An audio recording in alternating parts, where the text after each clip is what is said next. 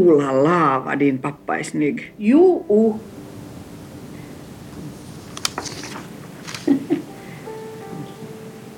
jo, jo, jo, jo. Han ser inte riktigt bra, men titta hur han var snygg. På gamla svartvita foton är Marians pappa ung och stilig. Han tittar rakt in i kameran med lilla Marianne i famnen. Ingen kunde ana hur livet skulle bli bara en kort tid senare. Du lyssnar till Dokumenterat. Min far, så frånvarande, så närvarande. Mitt namn är Betty Marchand.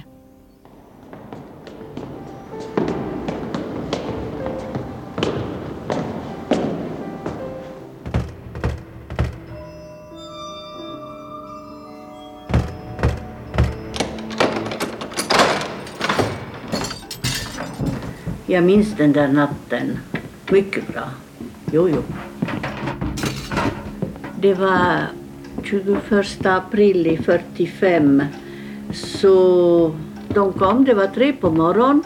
Och jag sov då också och mina föräldrar klart också. Och då kom två finska polis och två ryska polis och sa att nu ska de söka Och vad ska de söka om? Vi hade, mamma hade en sekreterare som förresten nu är hos mig här i Frankrike. Och de tog bort precis allt från den där sekreteraren. Jag kommer så bra ihåg.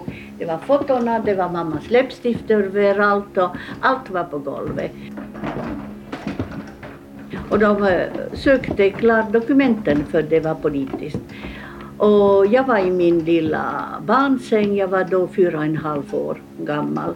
Och de sökte under min madrass också papperna och det var en finsk polis. Och han tittade och bara han har glömt att han hade en vapen.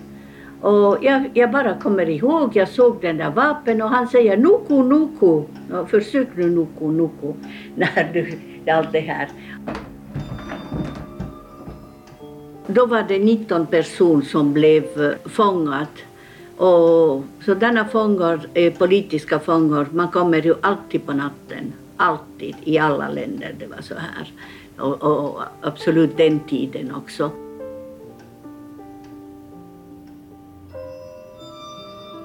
Den natten togs Marians pappa. Abrupt och utan förklaringar. Ett dygn tidigare hade inrikesminister Yrjö Leino fått i handen en skriftlig beordran. Den allierade kontrollkommissionen som instiftats efter mellanfreden i Moskva krävde att Finland omedelbart arresterar ett antal så kallade antisovjetiska terrorister. Kontrollkommissionens aktiva medlemmar var alla från Sovjetunionen. Leino hade varit minister i bara fyra dagar. Leino antog att han enbart gav rätt till en arrestering. Händelsen i april 1945 kom att dramatiskt påverka hela Marians liv. No, nästa dag klart då, mamma och alla andra hustrur de trodde att, eh, att deras män var i fängelse i Finland. Och eh, klart alla de där hustrurna nästa dag, jag kommer ihåg nog min mamma tog mig och vi gick till ryska ambassaden och, och sökte deras män. Men det hade redan, allt har varit ordnat och det är Malmö Airport. Och där var redan en flyg som väntade på alla de här människorna och, och de flög på natten. Och genast de, de var placerade på Lubjanka där i Moskva, del uh, prison. Marians pappa, Igor Verigin, dolde inte att han var kritisk mot Stalins politik och Lenins ideologi. Hans familj hade flytt undan den ryska revolutionen år 1917 och nu levde han själv i Finland under ett så kallat Nansen-pass. Ett Nansenpass var en identitetshandling som utfärdades till flyktingar som blivit statslösa efter första världskriget. Igor Verigins och Eugenie Pantiers enda barn, Marianne, föddes sommaren 1940. Men för Marianne blev natten i april en vändpunkt. Och livet tog en annan riktning våren 1945. Den tiden äh, pappa tagits, ingen mera sa ord pappa. Aldrig. Någonting har bytts alldeles i mitt liv äh, från den dag. Um, och därför säger jag att jag, jag föddes då för äh, jag måste, mitt liv ordnades på alldeles ett annat sätt. Så. Plötsligt talar ingen längre om pappa. Kanske för att skydda Marianne, kanske för att kunna gå vidare.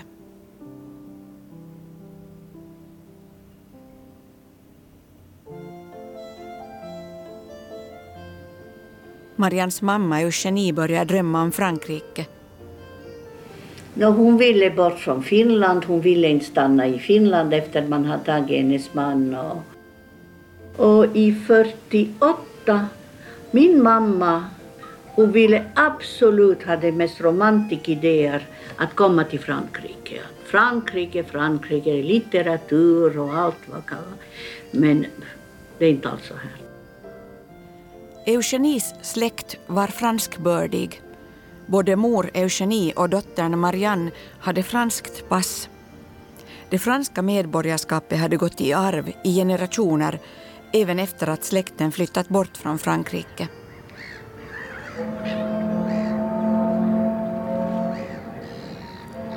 En dag under våren 1949 får Marianne höra av sin mamma.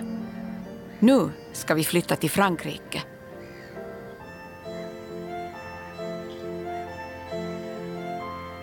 Man hade anat att Marians pappa redan var död och Marians mamma hade träffat en trevlig och bildad doktor i kemi, Vasili, som nu förberedde deras nya hem i Normandie.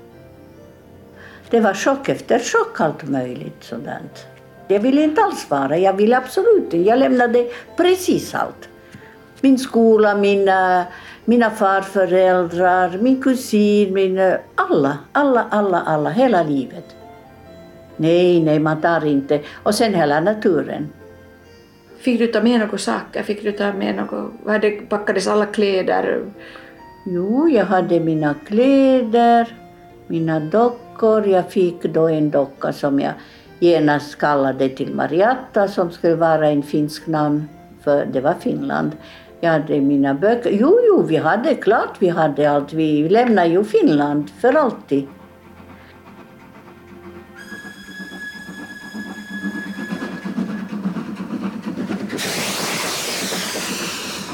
Marianne och hennes mamma tar båten till Stockholm och tåg ner till Paris. Resan är festlig. Egen sovkupé som dagtid blir till salong. Middag på vita bordsdukar i restaurangvagnen. Landskap som rullar förbi. Mot nytt hemland. Och en ny pappa. Jag hade aldrig sett eh, min blivande styvfar. Inte, inte vet jag hur han såg ut. Mamma sa till mig, hur ska du kalla honom? No, jag sa, hur ska, kan jag kalla någon som jag aldrig sett? No, han blir nu din pappa. Aha. No, um, ehm, no, då jag sa att kanske jag kallar honom Bopappa. No, jo, okej, okay, Bopappa. Men det var alldeles abstrakt. Från Paris går resan vidare till Normandies huvudstad Rouen och ännu vidare ut i den normandiska landsbygden till ett stenhus för flera ingenjörsfamiljer som alla även så har tjänst hos styvfars arbetsgivare. Och jag hade mitt rum som var, allt var färdigt och, och allt var jättefint. Alla möblerna art deco och de är ljusa möblerna och inte alls våra möbler. Och sen jag hade en fin foto av min pappa i en jättefin uh, silverram. Men aldrig någon har talat om min pappa. Den dagen har varit taget. Pappa var ett ord som var alldeles, ingen har talat. Inte mina farföräldrar, inte min tante, inte min mamma, ingen.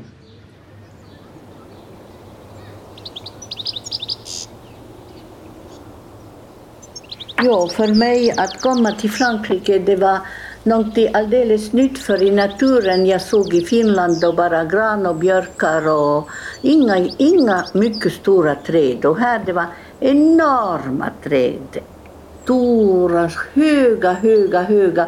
Och eh, bokskog det är som en stor katedral som man, vi har också i Frankrike som man har inte i Finland. Så det var alldeles speciellt. Så jag bara gick i skogen och det var någonting alldeles fantastiskt. Hur gammal var du då? Jag var åtta, inte ännu nio. Det var i maj. Ja. Blev naturen för dig en trygghet? Blev det på något sätt en sån här tröst? Nej, för det var en okänd natur. Nej, min natur som tröst, det var finsk natur. Som är lugn, man är bra, man vet var är Elf, man vet var är trollen, man vet precis alltid under vilken blad och sådant. Och här det var alldeles så ovanligt, så ovanligt att uh, man bara tittar, men det var inte min natur, inte alls.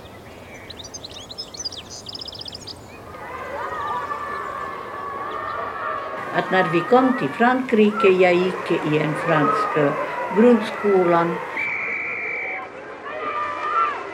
och där sa plötsligt dumlärarinna att ni får inte mera tala ryska hemma för vi talade ryska hemma. Ni får inte tala ryska hemma, er dotter kommer aldrig att lära sig franska. Mamma sa va, men hon talar ju franska. Så jag kom till Frankrike med, med svenska, finska, ryska och franska språk i åtta år. Och, och sen hon, mamma talade så bra franska att de bytte genast med min styvfar att tala franska.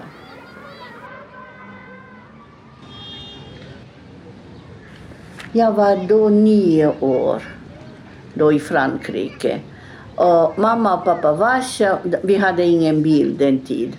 Och eh, plötsligt de ville fara till Dieppe vid hav och eh, på motorcykel. Den, den tiden urgamla motorcyklar. No, och de for och de lämnade mig hemma med ensam. Och de for några dagar, jag tror två, jo. Och uh, mamma bara bad granne att om jag får äta hos henne, men annars jag var alldeles ensam kvällen, uh, natt och allt. Och det där, och, uh, och så sa hon att vi kommer tillbaka före det blir natt. Eh, och det blev natt. Och de kom inte och kom inte och kom inte. Och då blev jag orolig. Och då gick jag till en eh, korsväg ungefär två kilometer från där vart jag bodde. Alldeles i mörkt. Och där var storkors och då bad jag så hemskt att man skulle inte lämna mig ensam. Jag fick uh, av någon i Finland en docka för att, när jag skulle fara. Och den där dockan jag kallades Mariatta, det var en finsk namn. Så jag hade den dockan och jag hade en annan docka som hade min farmor givit åt mig, en urgammal docka vet du, från gammal tid, docka, porslin och sånt. Och uh, första jul, oh, jag är nio år, första jul min mamma sa, nu ska du ge bort Marietta. Jag sa, men jag vill ju, varför? Jo, jo, jo, det finns fattiga barn, du behöver inte två dockor. Usch. Och det var en sån tragedi. Och jag måste ge Mariette bort. Och då for det också en del av Finland bort.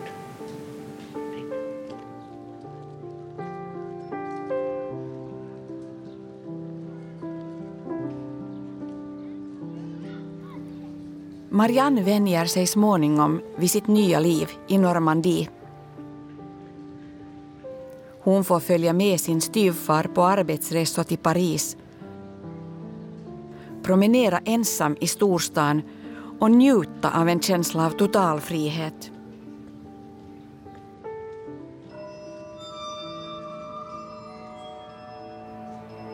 Men för Marians mamma Eugenie motsvarar vardagen inte de drömmar och fantasier hon hade om livet i Frankrike. Jo, det, det, det var mycket svårt. Mamma har alltid arbetat, alltid, från 19 år. Och, och här fick hon bara sitta och, med franska kvinnor för det är flera familjerna som bodde i samma stort hus. Och då var det att eh, kvinnorna fick inte jobba. De, de ska vara hemma. Och, så det, det var ganska dramatiskt.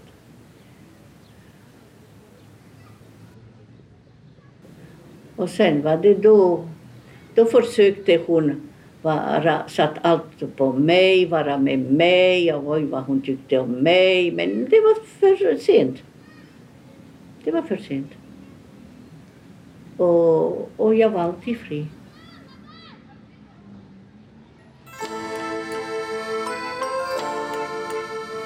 Vi flyttade till Rouen 55. Det var en hus mitten i, nästan mitten i Rouen. Det var bakom järnvägsstation. Jo. Då var det Rouen, jag hade mina väninnor och jag gick till skolan och sådär. Så. Just det. Jo. Och sen i Rouen, jag gick på alla de här parties och jag gick på ena gruppen, jag gick till andra. Men i Rouen, vi, vi var mycket, vi dansade rock'n'roll och sådant.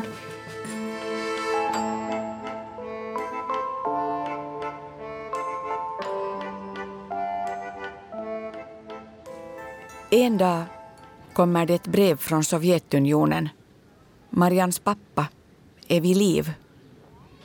Det var svårt. Han hade, de hade slagit honom och så vidare. Men han fick lampan hela natten för att inte sova och dag och natt och sen jobba i Sibirien med träden i Sydsibirien. Marians mamma får veta att Igor Verigin överlevt Gulaglägret. Men han har släppts fri på ett villkor, att aldrig lämna Sovjetunionen. Det var en chock. Då gick hon och sov i ett annat rum. Hon kunde inte mera vara med pappa Vasja, med min styvfar. Och...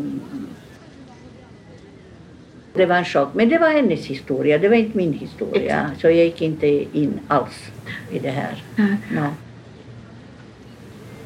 Farmor for till Moskva sen efter när pappa blev uh, fri.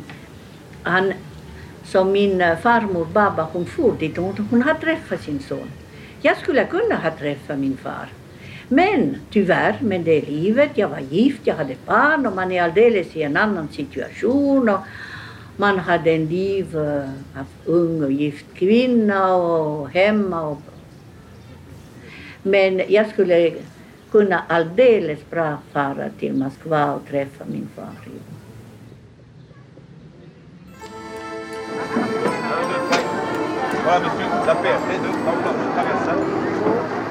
Marianne flyttar till Paris, gifter sig, får barn, sköter hem och familj.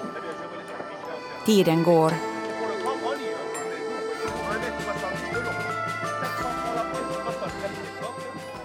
Det kommer ett nytt meddelande från Sovjetunionen. Pappa har dött. I, I 1968 jag fick veta att, Ja. och det är inte min mamma som sa det åt mig. Hon bad min man Mark säga åt mig, det är inte hon. Och han visste inte riktigt hur skulle han säga. Jag kommer så bra. Ja, jag vet inte vart vi satt. Jag vet vart.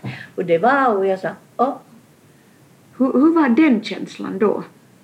jag vet. Jag kan inte säga. Det var oj. Det var inte en saknad. Det. Jag kan inte säga att det var en saknad. Det är bara en känsla att jag har inte slutat någonting i mitt liv. Och sen dog din mamma 1984. Ja. Och när din mamma dog, så vad var den, hur dramatiskt var det för dig? Jag blev fri. Jag blev mig själv.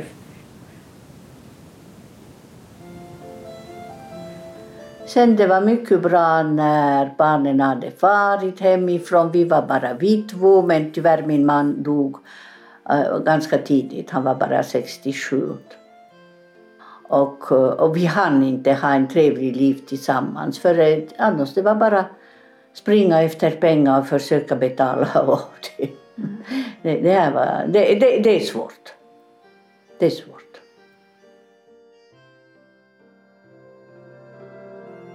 En natt drömmer Marianne om sin pappa. Pappa står rakt framför henne och hon utropar glatt ”pappa”.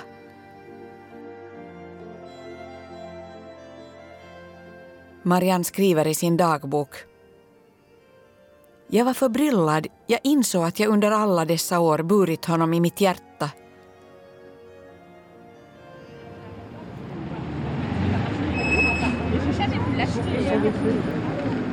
Marianne bor ensam i en liten lägenhet i Paris. En av grannarna, en ung forskare, talar ofta med Marianne. Av en händelse jobbar forskaren med material om de ryska fånglägren, Gulaglägren. Och när det är grannen som studerade just alla Gulag och allt och och, och, och hon och Fifi. Och när hon sa men ni måste ju fara dit. Jag, först jag sa vad säger ni? Och sen började det gå men varför inte?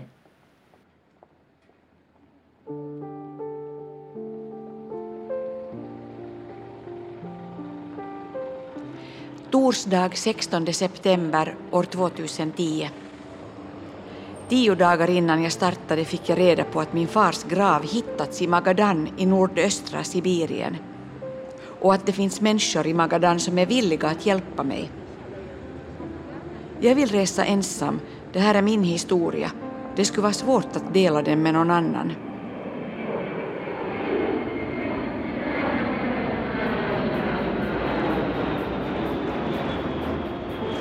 Fyra timmar från Paris till Moskva, sen nio timmar i flyget mot Magadan. Planet var fullt och det var ett glatt virvar i kabinen. Det var så skojigt. Eh, de sa åt mig eh, att när du går dit eh, var det är flyg till Magadan, fast du har din plats och, fast det är bokt och allt, du ska vara första rad för flygkaptenen, fast du har din plats och allt, kan plötsligt säga nu räcker det, nu är det tillräckligt människor, nu far ni inte. För det är så många som kommer med deras saker och allt att, eh, att det blir för tungt, så människor bara stannar. En man bar med sig en hund. Den satt med blöjor i hans famn under hela flygningen.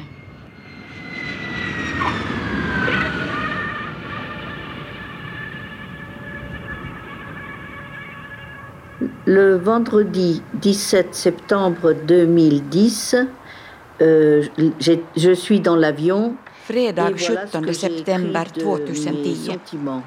En kort, nästan sömnlös natt. Flygplanet landade klockan tre på dagen på flygplatsen cirka 60 kilometer från Magadan. Planet bromsade så fort det kunde, men rullade ändå alldeles till slutet av landningsbanan. Efter en timme anlände vi till Magadans busstation. Flygförbindelsen är nästan den enda anslutningen till resten av världen härifrån. Det finns inga tåg till Magadan och det finns inga turbåtslinjer.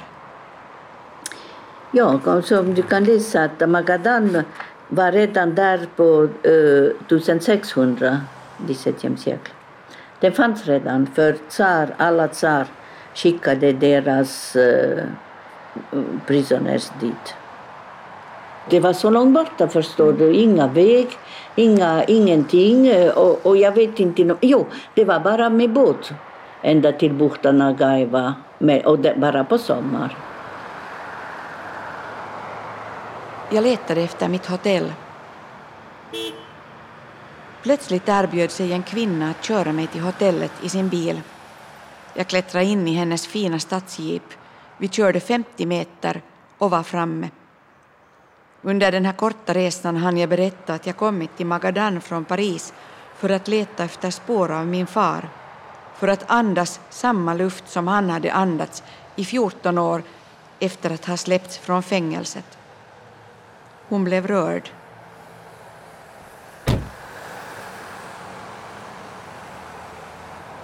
Jag måste säga att när jag är i Ryssland det är någonting mycket underligt om jag känner mig hemma.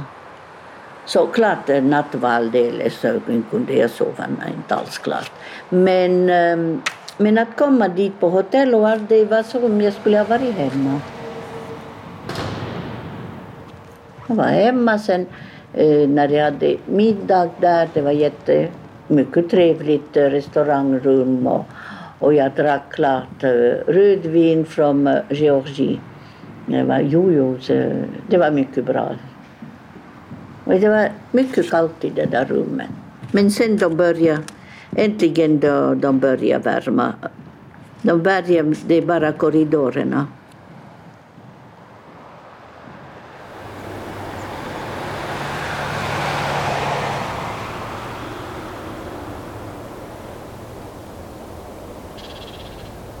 Lördag 18 september 2010. Det är vackert ute, solen skiner och himlen e är djupblå. Min kontakt i Magadan, Tamara Nikanorovna, ringde mig och föreslog att vi skulle åka till min pappas grav. Minibussen var överfull och det fanns färgglada plastpåsar överallt. Vägen var gropig. Genom kyrkogården går en asfaltväg som är i mycket dåligt skick. Det finns gravar huller om buller. Ingen är intresserad av området mellan gravarna. Där ligger all slags skräp och förmultnade trädstammar. Kyrkogården verkar inte vara en sorglig plats. Familjer kommer hit till de döda släktingarna, tar med mat, dukar upp ett litet bord bredvid gravarna och sitter på bänkar runt bordet. Framför gravmonumentet står den hedangångnas kopp. Släktingarna tar med sig sina egna kärl. Vid en korsning svängde vi till höger och plötsligt var jag på en äng med gräs som gick upp till midjan.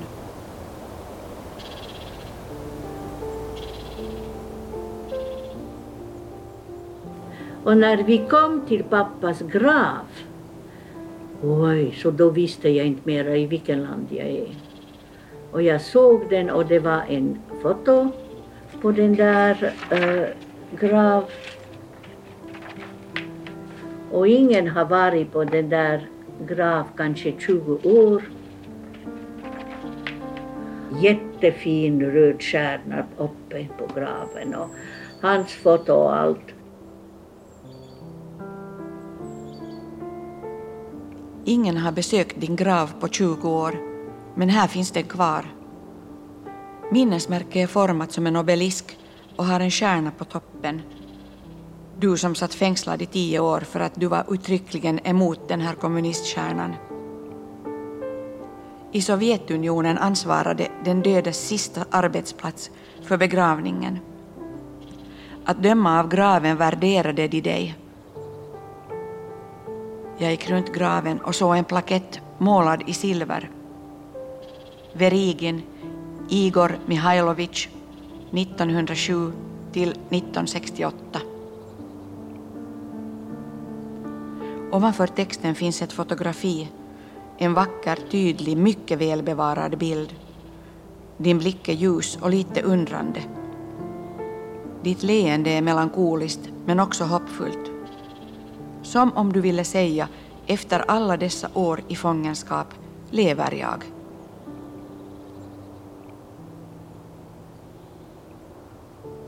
Jag har nu en känsla av att det inte har funnits några ändlösa år av fängelse. Jag är så att säga ett pånyttfött barn.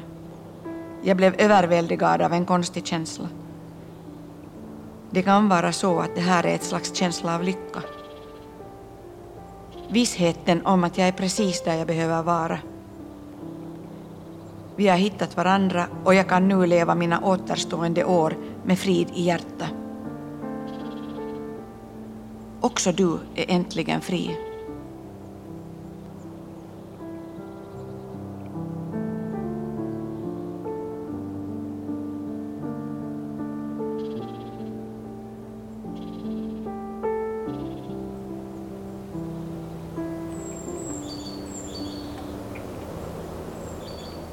Pourquoi mon père a-t-il choisi Magadan après sa libération des goulags Varför valde min pappa Magadan?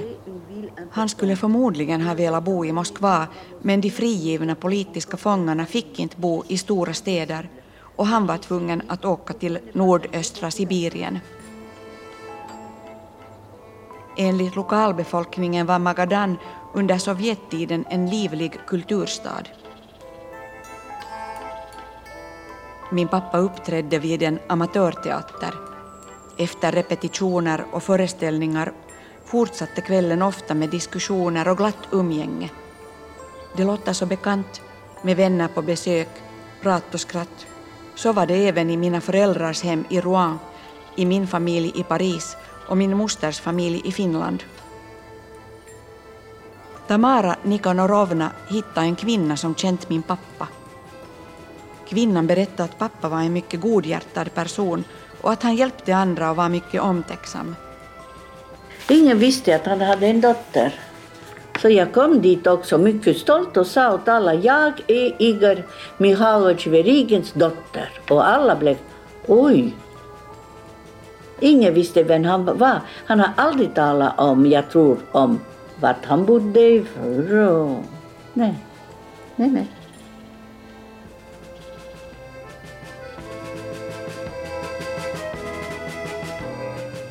Onsdag 22 september 2010. Jag har blivit en lokal kändis, en parisare i Magadan. Tidningen Kalimski Trakt vill publicera en artikel om mitt liv och varför jag gör den här resan. Ну, сейчас я пойду за газетой. У меня есть газета, они ее выдали в Магадане. И написали о, о мне. Jag blev tillfrågad om mina barns fotografier och gav dem min kamera från vilken de laddade ned bilderna. När tidningen kom ut blev jag förvånad över att se att den inte bara hade mina barn utan också en bild av min katt.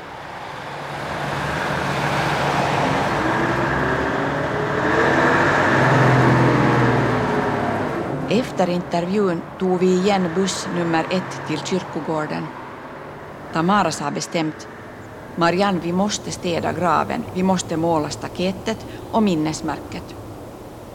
Jag hade inte tänkt på det. Tamara sa, du måste gå och hämta målfärg och metallborstar för att få bort den gamla färgen.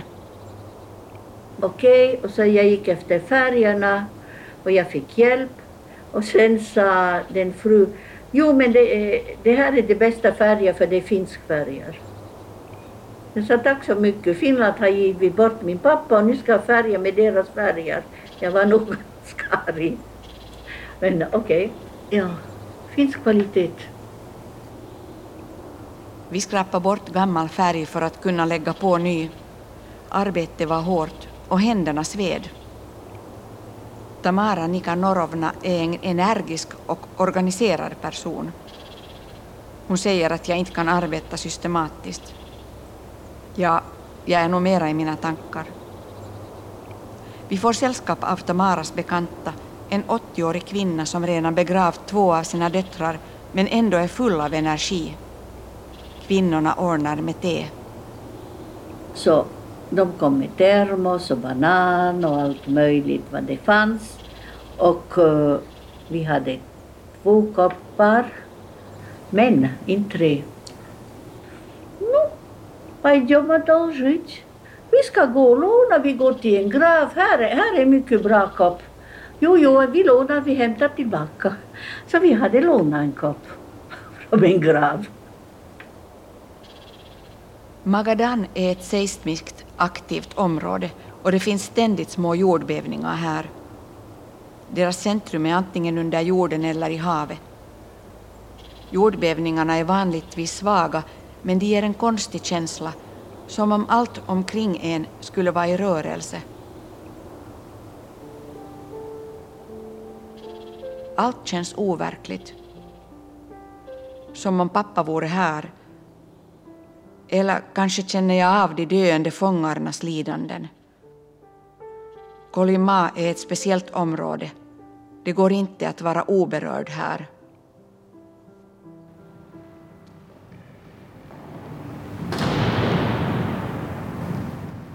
Torsdag 23 september. I morse gick jag till milisen.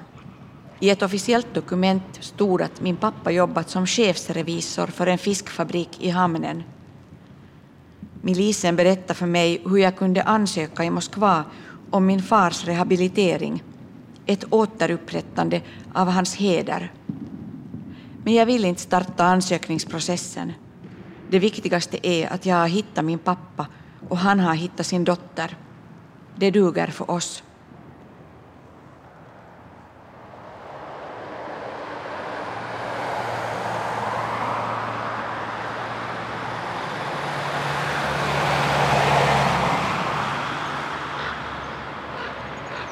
Sista dagen på kyrkogården.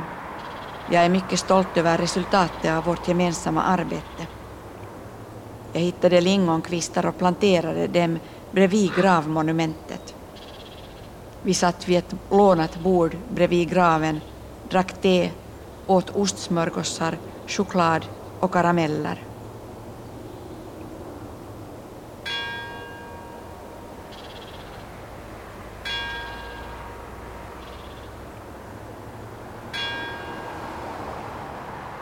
Fredagen den 1 oktober 2010. Avfärdsdag. Syftet med min resa har uppnåtts. Jag träffade min pappa, andades samma luft, gick samma gator som han hade gått längs. Nu är han alla dagar i mitt liv med mig. Jag har lärt känna honom bättre. Jag vet en smula om hans liv under de 14 år han levde som fri man efter Gulaglägret. Jag kom hit för att hitta min pappa och berätta för alla jag möter att pappa hade en dotter.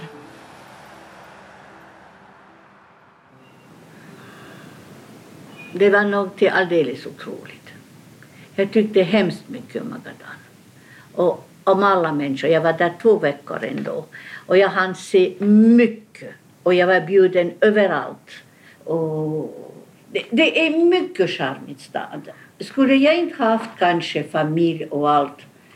Jag tänkte ändå lite men att fara dit och vara där. Men eh, min familj då är, är i Frankrike så att äh, Le passé est dépassé. Den som har varit, den blir inte mera. Le futur, Dieu seul le sait vad det blir. Gud bara vet vad det blir. Vi, vi, vi vet inte. Så lev, liv dagen. Lev din dag. På morgonen du vaknar, oj du lever, nåja, nu ska man göra någonting den här dagen. Men när du går och sover på kvällen, du vet inte om du vaknar nästa morgon. Du vet inte.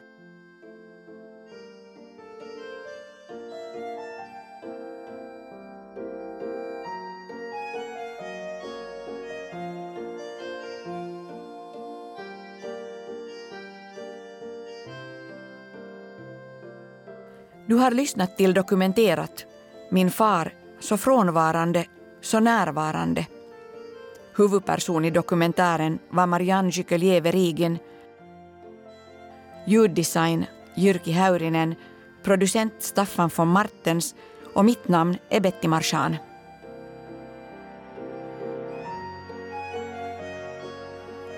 Epilog några år efter resan till Magadan tar Marianne sina barnbarn på semester. Hon får av sin dotter en adress till ett campingområde i Corrèze 500 kilometer söder om Paris. Och vi körde hit. Jag körde med två barnbarn och vi var där och när jag såg hela den där uh, träd och sjön och björkar och tam. Då satt jag mig och började gråta och jag sa att här är min plats.